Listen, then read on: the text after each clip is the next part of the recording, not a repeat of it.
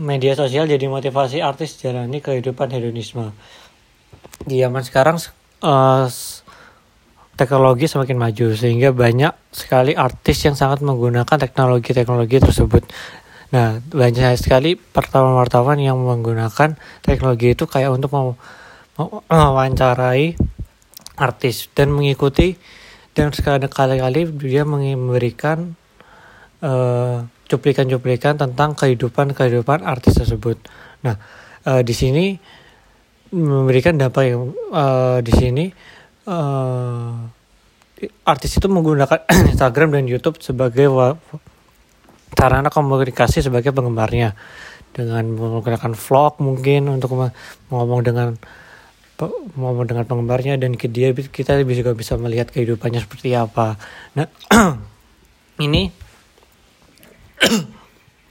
bisa memberikan dampak positif yaitu memberikan semangat kepada semangat kepada penggemarnya untuk semakin uh, terus bekerja sehingga seperti seperti ingin mengikutinya juga gitu. Tetapi di sini juga memberikan dampak negatif jika banyak sekali artis yang menggunakan uh, sarana ini menjadi uh, berlebihan sehingga memberitahukan kehidupan kemewahannya yang sangat berboros dan, dan ini menunjukkan banyak sekali uh, penggemar-penggemar yang sangat membencinya dengan kadang melihatnya kayak gitu. Karena bagi dia tuh menurut saja seperti pamer seperti apa gitu. Kayak kayak tiba-tiba dia membeli rumah rumah sebanyak apa mobil banyak seperti gitu. Terus uh, kalau dampak dampak negatifnya gitu sehingga banyak orang yang banyak uh, iri dengan dia dan jadi sehingga benci dengan dia banyak yang membencinya karena dia memanfaatkan bawahnya dengan tidak baik dengan terus uh, dia sebenarnya artis itu dia salah dengan kayak gitu karena dia itu menggunakannya itu sebagai tolak ukur kebahagiaannya dia.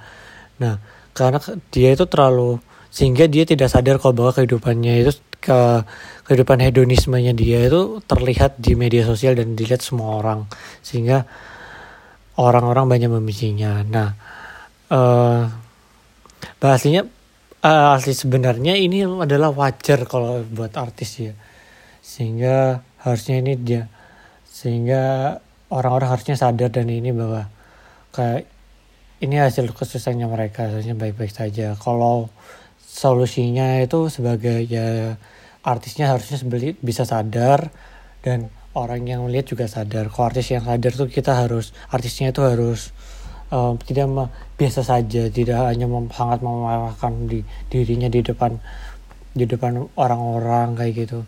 Jadi kayak beda banyak iri dengan satu sama lain. Kalau orang itu sadar karena harusnya mereka itu artis karena mereka itu sudah bekerja se sekeras mungkin bahwa dari nol sampai sekarang harusnya mereka sadar juga.